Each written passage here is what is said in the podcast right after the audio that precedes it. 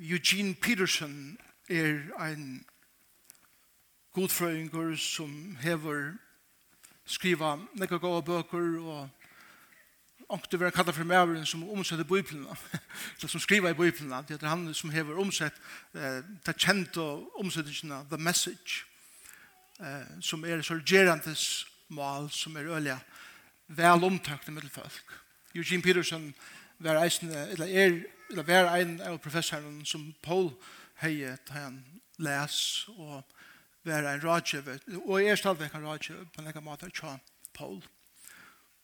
Han sier så les i, i en av grein som han skriver om uh, Guds heilalaikan han sier så les Atlar sankummer skulle ha haft utanfyr bygningen eit skjelte som sier så leis, ansa etter, tog god er her. Jeg vet ikke hva du sier til det, at jeg sender frem i venn lenka her nere. Ansa etter, tog god er her. Og så sier jeg hvor gjør det, støyene som folk samlast er tilbya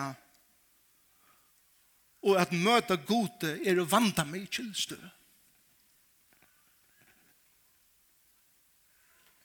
de er storfingen og de er æremykjel stø, men de er eisen vandamykjel. Så de heva her en kraft som er størskare enn tjattnorska. Så god er her. Og god leter okken ikkje møtas her og ein og kvann hatt. Tui er skilte ansa etter til god er her. En verleik. Vi tykker at det tar i, i hitje at løyvene tja flest av åkken inni her. Og tja nekvun tryggvande som jeg kjenner, så, så innskja vid av som noen hjärsta at god skal komme åkken nær. Og vi, vi innskja Guds nærvere at vera nærvere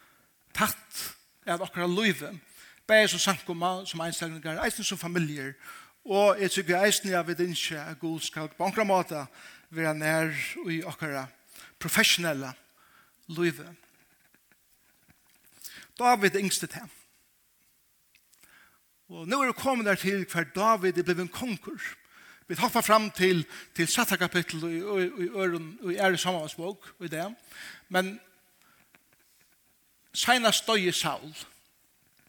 Og så henda nokre ting, det genga 3 og et halvt år, og til er strøy om hver fær trånene, og, og onker vil tega trånene, og David vil eisen salver som konger, eller vær salver som konger, tog er han i Hebron i 3 og et halvt år, og han nu teker Jerusalem, og, og etablerer sitt kongadømme. Og det er han gjørst nu. Nu er han kommet til Jerusalem, og, og det blir en frier i landen, og han er nu konger i ötlån, Israel. Og det første som David vil gjøre nå ta i han er etablerer er at få Guds nærvere inn i ikke bare sitt egna liv, men eisen inn i sitt kongadømme, så at Guds nærvere kan være iver alt følge. Så at Lukka gjøre til kun a lysende bakgrunn da vi lesa teksten. Sattmala Ørsken. Sattmala Ørsken var stegi her som god møtte sin nasjon. Hun var gjørt ut i øyemørsene ta i Israelsfolk færa av fra Egyptalandet til Israel. Og hun er steg i tabernaklen om øtelse årene sujan Israelsfolk var kommet heim. Men en av fyrir så færa siner Eli, og heter helt attor i, i byrjan av første samlagsbok, jeg hopper at nå. Tar færa krutsk vi filistarar, og tar halda at, at uh, bare fyrir at vi skal sikker på at vi vinner krutsk, så tekar vi et gods nerver vi okken. Og gods nerver er jo symbolisera i ørskene, så tar tar tega ørskene vi som en sånn lucky charm. Fyrir at færa bare og tar tepa hvis det er teka ørsene. Og hun var rand fra Ørsensfolket, og hun endar i Filisteraland. Men så leser vi det i den kapitlen her, at, at Guds hånd la tung i Filisteren, og, og, og tar følte at vi må slippe oss av vi nærvere Guds, tror jeg at vi klarer det slett ikke. Så en dag inn så, så kører der sottmåløsene på en vogn, Og tar seta tver mjölkakur framfor vognen. Og dette er i, i, i en boie som er nok så nær ved Tel Aviv i dag. Da skjønner det en sted. Mot jo Israel. Og som mjölkakutten er tilfæra gengande sted og tar, tar, tar her genga og genga og genga og genga. Inntil knapplig en dag inn så sanda folk i Betsjemes. Betsjemes er 34 kilometer survester fra Jerusalem. Så cirka herfra og til Viaier. Til, til eh, distanseren fra Jerusalem til Betsjemes. Og folk i Betsjemes synes knapplig at her kommer tver tver mjölkakur gengande vi, vi enn vokne at han fyrir, ønsken styrir dem, og, og her stendur okkur som pja, og tøyda fyrir kanna hva det er, er det sottmala ørsken som stendur her. Og, og hun var sånn tidsen av, og hun var sett av i plås og så genga 40 år, Saul, medan var kongur, hugsa i ungande om sottmala ørsken. Levnte igjen ungande vi egnan året. Sier vi enn om hjersta til Saul. Saul Men David, han veit at Sottmålerøsten er ikke her som han eier av vera. Hon er ikke i kjalten hon her som han eier av vera. Guds nærvera er ikke til stier så som han eier av vera i okkara landet. Og til for han agerer nega vi. Så. Det er å lese Jøkken kapitlen, og jeg skal bare ikke fortelle deg noen ting kjøtt som hendte, og så får jeg enda vi at, at appellere det til okken og i det. Så Anders Samuels bok, kapittel 6. Jeg skal lese fra vers 1. David saunaje oppatur saman atlan utvalda her og Israels. 30.000 mans. Så det er 30.000 folk, det er menn kommer vi her beint pluss ödel ånder som kommer. Så vi, vi tar oss ikke bare om en liten parati av folk, vi tar oss om en veldig skære av folk som David samlar sammen. Så får David et sted, vi ødelen folken og vi tar henne vær og får til Bealiuta, til at flyta hen i Ørskuds, som kallar vi ved navn i herrans gudserskærarna, han ser som sitter i vår krupen. Og det er sånne krupene der tar såte og nøye seten om iver ørskene og fjellet og nøye hasete. Her som god møtte følelsen. Tar søtte ta ørske gods og nødjanvaken og får vi henne ur huset Abinadabs til som stod av heinen, og sa og ei og sin Abinadabs stort vaknen. Så la slottet der ørske gods ur huset Abinadabs og som stod av heinen, og komme vi sjolver. Eio Jack undan ørsene. David og alt husets leika og fyrir asjan herrans, alt det har vært ment, og sunnje vær og spalt vær og sittare, hørspur, trommer, bjøtler og skaltrommer. Så meir instrument enn vi høyde i morgen. Her tjekk enn nega fyrir seg. Ta et henne kom og et tresjeplasse eh, nakons. Ratte ussa ut håndena og tåg ui ørsk gods. Så det finnes ikke stort oksen. Ta tendreist vreie herrans mot russa, og god slå han her, for det skreiva, og han hei gjørst. Så han døye her til ørsk gods. Men David var ytla vi av tog at herren hei slia ussa nyer. Skirterande. God og leie festene. Det er så deilig. Prøys av herren og god og leida selv. Tog jeg rett og stever i kattler Pere Sosa, lykke til hendan det. David var gripen av rasslo for herren om tandegen og sier, hvordan skal ørsk herrens kunne, kunne, kunne komme inn til mer? David ville ta ikke flyte ørsk herrens nian i Davids sted til søgn, men let henne standa inne til åpet etter ur gatt. Ørsk herren stod ta ut trutja manager og i huset og bedt Edoms. Lagt meg færa til uh, av neste spalten, overast, altså i 330, endan av vers 12. David får et sted og flutt i ørsk Guds ur huset over Edoms, nian og i Davids sted vi fagnar. Ta i teir i bóru herrans, hadde gynnsi 60, offra i han tarv og gøyinga kolv, og David dansa i fri åsjan herrans, alt det han var mentor, og han var lutsislig av løgne.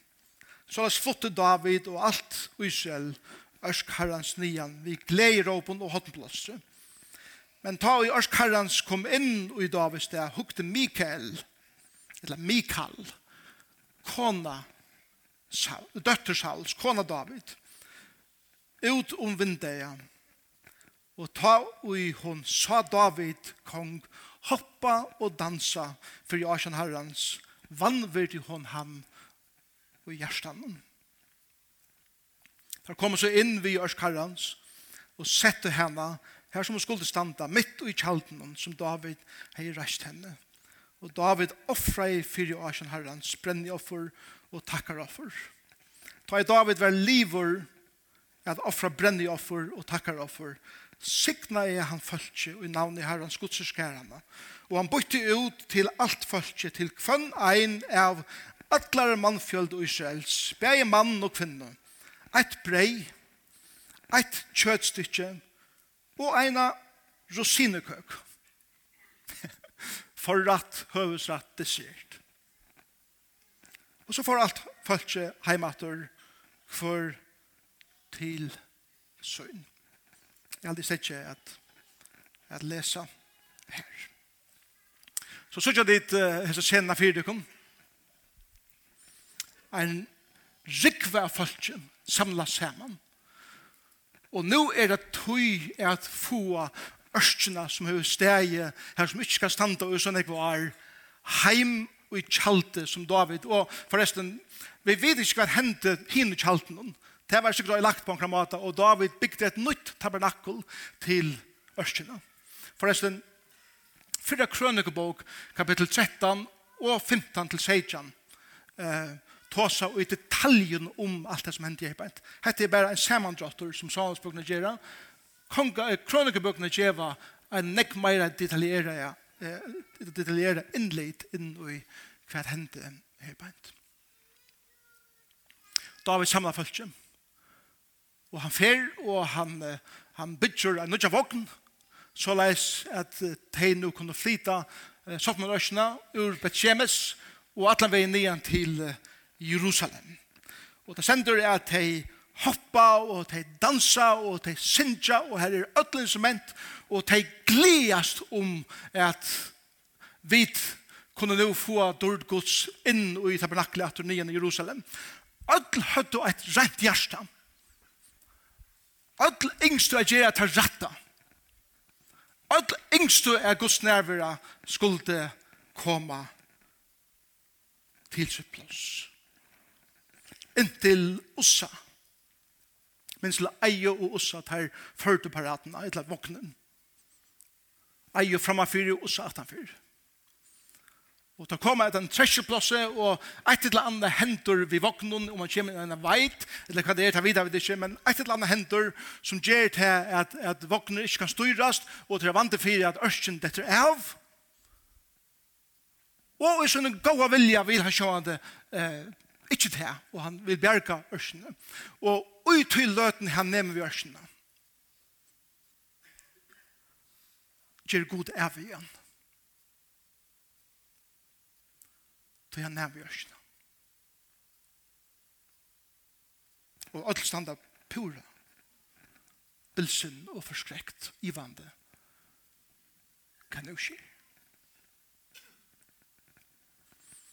Vi tar seg sjoldan om Guds heilalleika. Vi vilja alltid så gjerne ta som Guds nøye. Og Guds nøye er verlig, men Guds heilalleika er lyga verlig. God er nøyerugur, men God er eisende heilavur. Og vi får en liten mynd av det herbeint. Og jeg, jeg spør meg sånn, spør meg ikke beina veien på å lese denne teksten først og før. Altså, kom on, hva, hva skjer her? Hva, god, hva kjærs du? Og da jeg så lese teksten nærre, så så sier jeg at det blir til at heva et velmeinade hjärsta. Jeg får gos nærveren her. Nær men det blir til å gjøre skreivan hatt. På en måte som ikke fyrkjøper i Guds åre. Og det blir avlegger. Tvei ting kan det her bænt.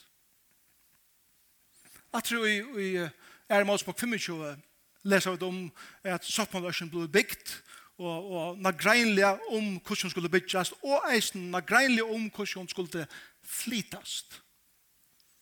Det var ringa gjørter av syna av sottmaløsene som tver, eller en stong hver mena øsna skulle sedas ui og vera alltid faster ui. Så løs at levittaner kunne komme og bæra sottmaløsene og genga vi henne til han skulle flytast. Men David bygger en nudjan vågen, til sånn med løsene. Hver fer han til ideene fra? Han fikk han fra filisteren. Ta et her 40 år åren hadde bygd en vogn av sendene til Uiselvi. Og David helt var godt nok bare bygd en vogn. Nå er det bare ørkjene vi er vi. David var pragmatiskur, han var effektiv. det skulle gjøre så latt og så kjøtt som mulig. Men det var ikke etter at han fyrskipan som god hei gjørst. Jeg våkner, mynden her på halde er, er en maten som vi kunne bruka hemsens metoder å gjøre godsversk vi. Og at det slær særlig med som pastor, pastor, som, som, som røyner at være vikommande og, og gjøre ting på, på moderne matar og så videre. Nutja matar at føre Guds folk inn i nærvær Guds. Være mentalt, eller spirituelt, eller være emosjonelt, eller rent praktiskt. At vi hukser på matar som er effektiver, som er velfungerande, Men utan å huske om det, så bruker jeg hemsens metoder som ikke er fyrskibar i året gods, men jeg gjør det på min egna måte. Det var en feiler som David gjør det her. Og da vakte vreie gods. Hitt. Det var det at mennene som stod då, Ørsene, Eio og Usa, var ikke levitter. Og god sier, na greinlig og sin åre, at det eneste som skulle flyta ørskjene var levitter. Og hun tar skulle bæra ørskjene. Eio og, og, og Ussa var tveir menn som, som bo i husen her som ørskjene enda i og tar finger på en måte. En eller annen er av husen her.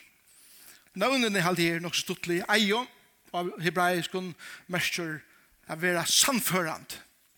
Er vera ein som teker læsle.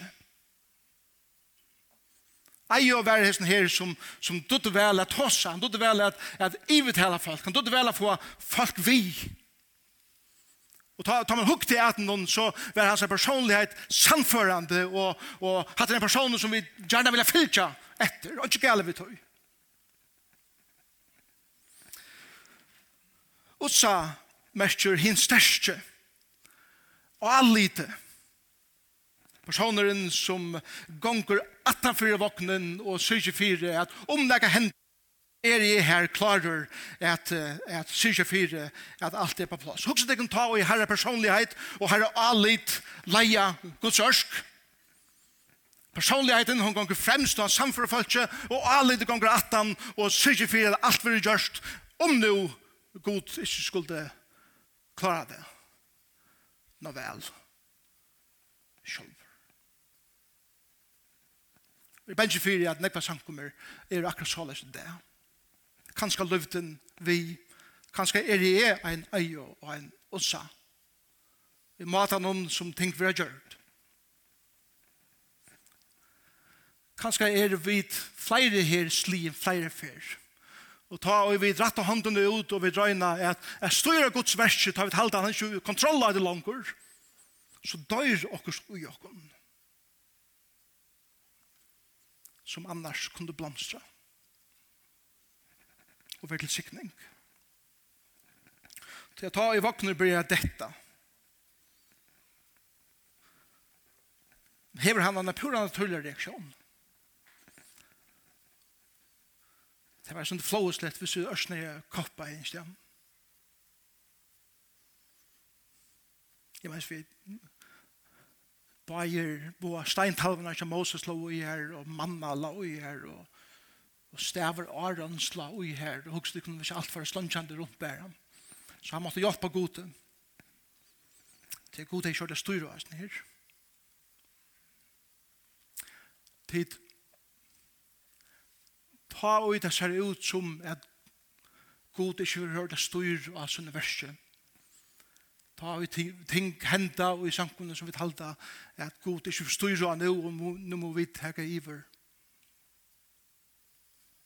ta har vi et misforsteg lesle ta har vi et misforsteg abert ta har vi et misforsteg etter at det er somme ting som vi ikke skulle røre vi det er somme ting som vi ikke skulle komme nær. Eugene Peterson sier vi er såleis Da han tar om Ussa, han sier, Ussa var deier åren, han nærkant det nevn vi gjørsene. Han døye andalig at han helt, han kunde köra god og i en boks. Og styra. Og så sier han, vi gjør det så leis. Og så leis åregva i god skrugongna. Tog han ville väcka en heila nasjon antallega. Og David, han, David gjør det rette. her på Han stikker av. Han stikker av. Og han får heimat. Paratan Leo. Og han er heima i trutja maner. Og da vi leser i fyrre krønikebok, så sier fyrre krønikebok hva han gjør det til trutja maner. Vet du hva David gjør til trutja maner? Han fer inn i året gods. Og han fer kanna hva, var, hva var det som gjør det gale? Hva var det etter gods året som gjør det skreift? Og han tar seg ved levittaner. Og han spyr om ørskina, og han fer inn, inn i hva god sier om ørskina. Og da sender vi i 5. kapitlet, vers 12, at, at god, nei, at David sier vi levittanar og tar skulle bære østene, rense deg og gjøre deg kunne og halte deg kunne til at færre, at bære østene nian til til til halt. Så la seg vit, nå er det fært har vi røyne atter kunne gjøre det rett. Og David samler en nødja parat. og det sender at det er færre av sted, og det er flott og ørsene. Og David fegnast, og folk fegnast, og David dansar, og han synger, og ljåfører, og nå køyrer alt. Det er ikke sånn merkes hva, hva stender um, i vers 13 og i er sammansbok 6. Ta i teir og i båre ørskarrans, har du gynnt seks sti, offra han tarv og gøyngarkolv. Så, så ikke fire kom. Jeg vet ikke om dere lengt ved det fra Jerusalem, men det var 24 kilometer fra Bethshemes til Jerusalem. Så vi kveldstøyene vi, vi eier til havner, vi er paratan byrja. Om man er kommet så mye lengt som til Kotlafyrir, det vet jeg ikke det, vi vet ikke det. Kanskje cirka 12-15 kilometer i retter, det vil si at det. Og, og, og her som teksten indikerer at tar tar tar gårsna og tar berana og så 1 2 3 4 5 6 Så drøsna ni rattor og tilbe der og tar sinja og tar treba gøringa kalven og og alt det her som hentur ta tær så liot så ørsn opp atur 1 2 3 4 5 6 nir atur, sinja lovsong, og tar dreba gøyre kolv, og tar prysa herran alla vegin ur kotla fyre til havnar. 60 og stek av. Og vi tok sa, herra god, hatt er oeffektivt. Kunne du ikke gjøre det sin effektivere enn det her? Og, og vi uh, huksa, og jeg huksa beina ved, nekk nemmer vi en, vi en våkne. Og nekk nemmere bare få det til havn der, og så feirer vi det havn. Og God sier, til er ikke enda sesjonen som er tuttene mykje, til, er hver stig leiene som er tuttene mykje. Jeg tar tog og prysa mer av vennen her til.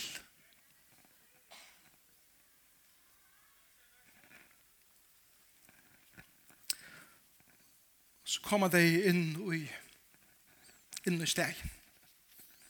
Og David, han er pura fryer nå.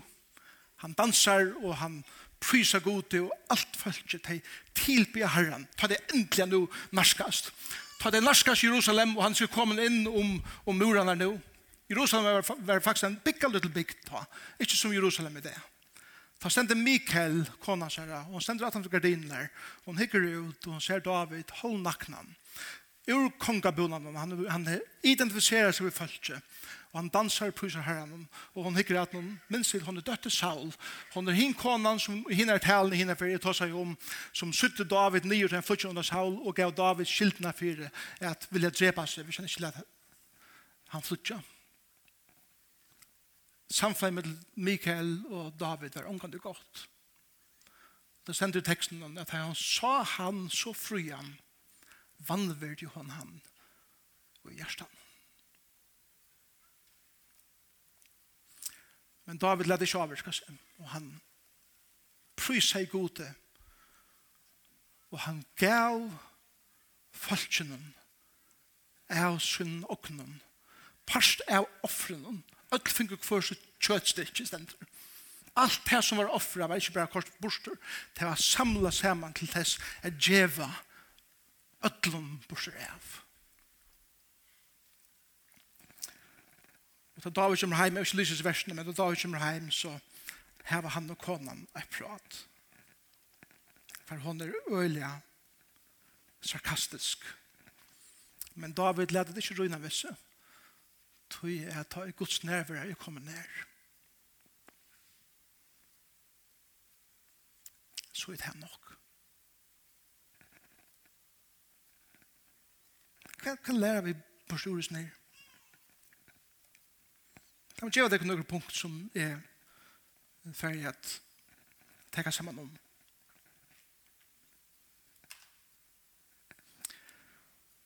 Jeg halte det disse kapitlen her, og hendan hendelsen her,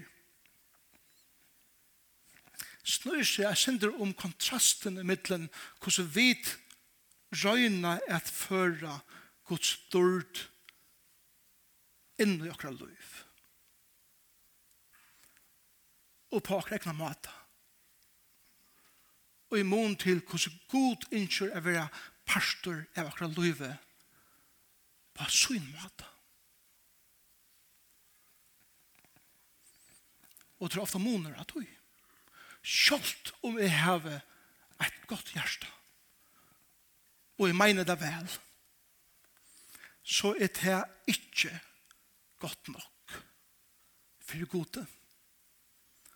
Da han hever sagt i sin åre spesifikt hvordan det skal være gjørst.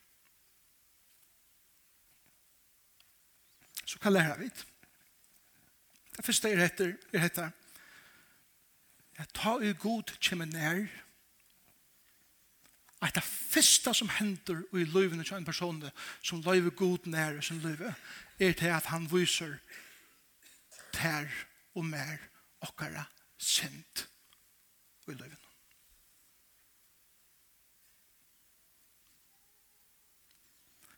Vi prædik evangeliet her, Bent. Og vi bjóa folk til å komme nær inn til god, og så tar vi det som om, som om at det er fantastisk å være frelster. og at lysten ikke og det er det. Men det krever nægge.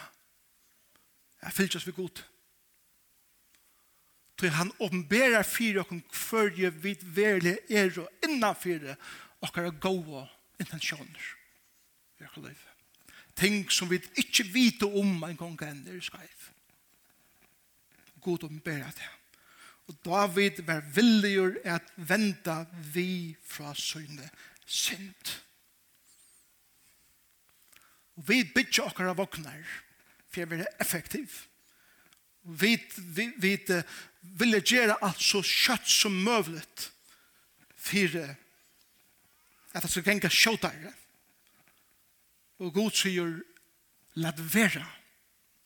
Lat vera vi at nema hattar som jeg har sagt skal berast av herren. Ber og mot. Tog bira mun ver løtt.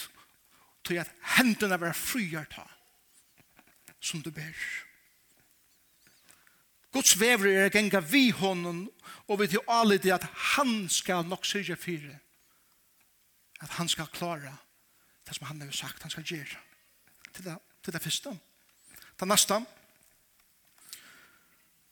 Ta god kommer nær, og han åpenberer akkurat synd, og vi finner det her, at vi gjør det ikke til hans året. Det neste som hender, vi kjenner mannen og kvinne som ønsker å få god nær, er det at de fer inn og hese båtene.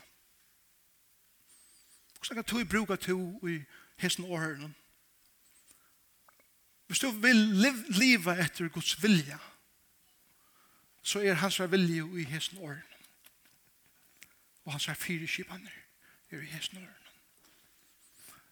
Og han nekvann hatt sier Gud, jeg har givet deg mer regler, og til det fri er gjøre det som du vilja. Men det er støv i skriften, hva Gud sier, til det er ikke fri er gjøre mot versk som tid vilja. Så det er sagt noe greinlig hvordan det skal gjøres. Det er det viktigste å kjenne et år. Og det tror vi bruker tog i sånne årene. Og i samkommende. Det tre jeg er til at Ta god som en er, så ser det luttne fram om personlighet og effektivitet. God er mest interesseret i at vi er løyen. Og ikke gale vi har personlighet og har alle i en samkommende.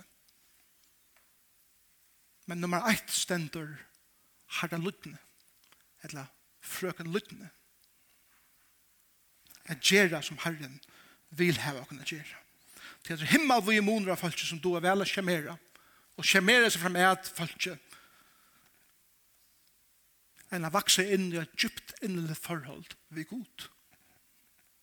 Og tæne øren, og være villig å gjalda prysen som det teker, å sette seg vi luttne heldre enn å være populær. Jeg tykker at Gud byrjar ofte et godt versker mer. Men så kommer det til et punkt om en løyve hver jeg, jeg halde at Gud nå har mist kontroll og jeg tar ikke ting jeg kan hente og renegere dem, men jeg kan hatt. Og det som Gud engste skulle byrja i min løyve, døye som deia, tøy det tog iver, ikke hånden. tror jeg det er viktig for oss som samkommer å si. Eller uten en arbeidsplass å si, eller uten familie jeg sier, god. To byrja i hetta. Og jeg har ikke anet seg fyrir hva du gjør på nå. Jeg føler meg pura velstand.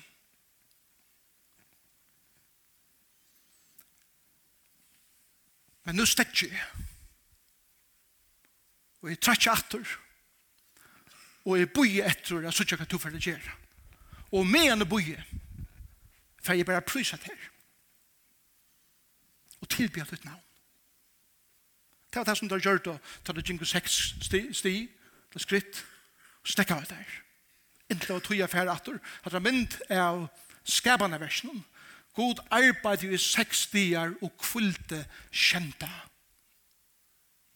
Og i akkurat effektiva framsuttjande samkommeløyve og samfella.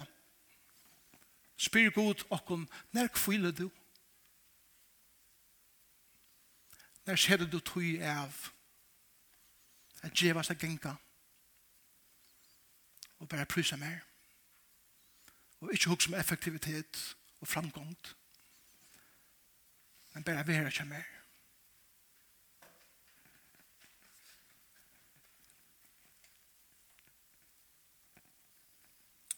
Et annet som hendur tar i godkjømmen er er til at okkar hendur, okkar føtter vera løster, fralser, ta og vi vid gjerra etter året gods. Og han sier fyrir kipan.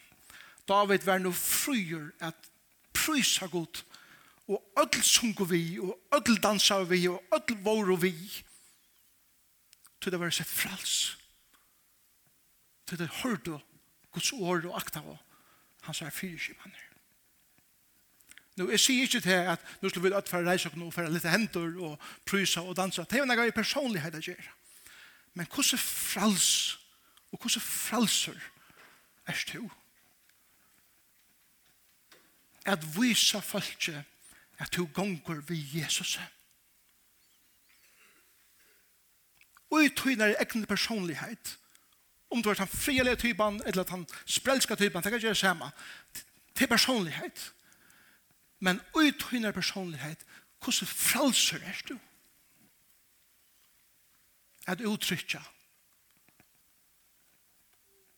at du hører Jesu til.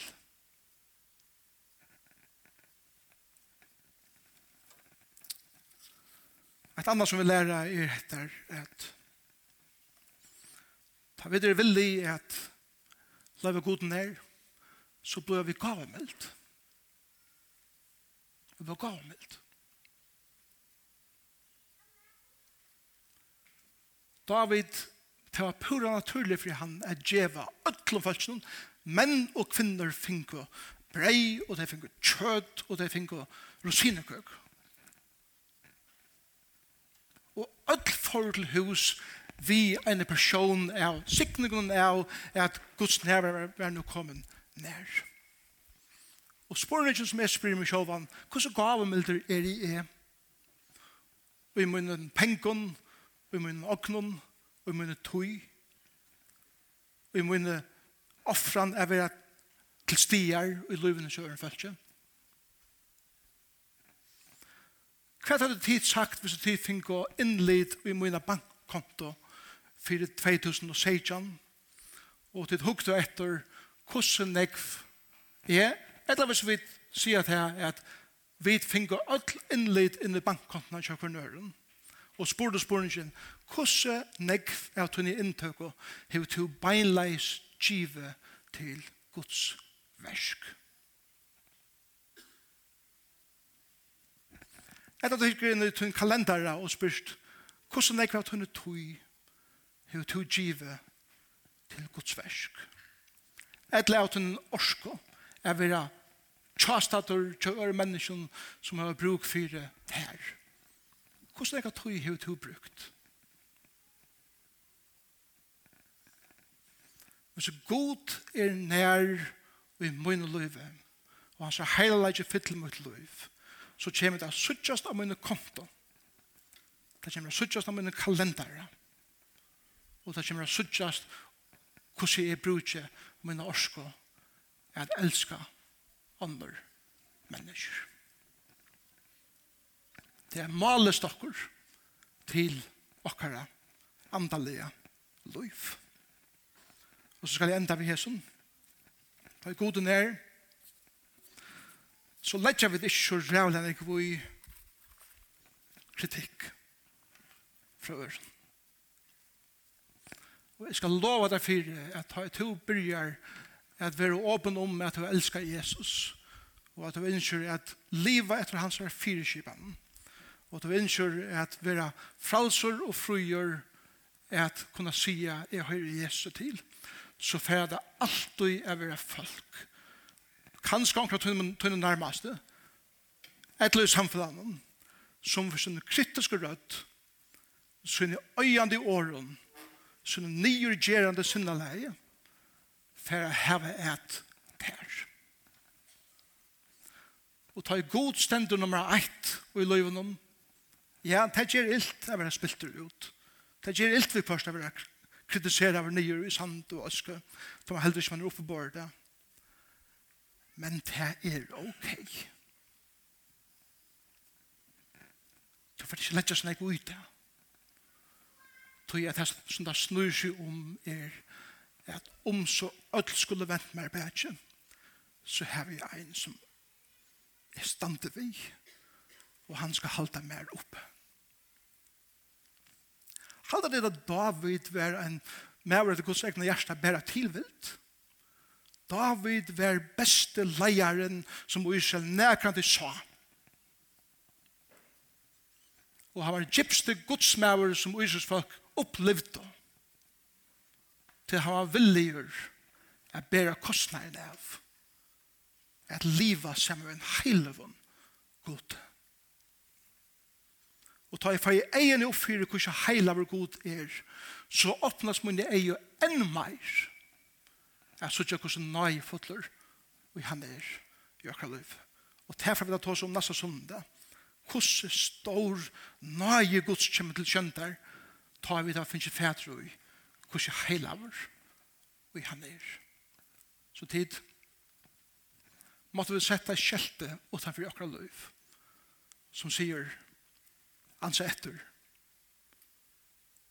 til goder her. Og vi trakker inn og vanda mye sted til Guds heila leidje er til stier. Måtte jeg er kjent først og fremst mitt løyv men løyv er ikke akkurat åkken skulle be sammen. Jesus, takk for det. Ditt år og takk for det. Jeg vet først så er det sannleggende uten året øyelig og beheilig. Og det er det virkelig for meg i det. Men, men vi takker deg for det at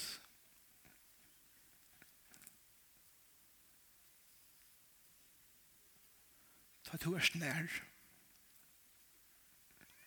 så er det korsene godt. Jeg byr meg til å hjelpe dere det jeg fer hjem og huksa som David. Og vilja ratta og bare tenke hva livet som er skreiv som til åpenbærer for dere.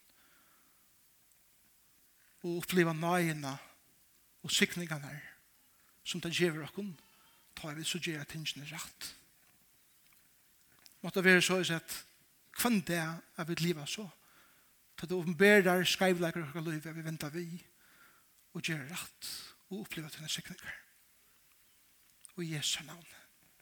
Amen.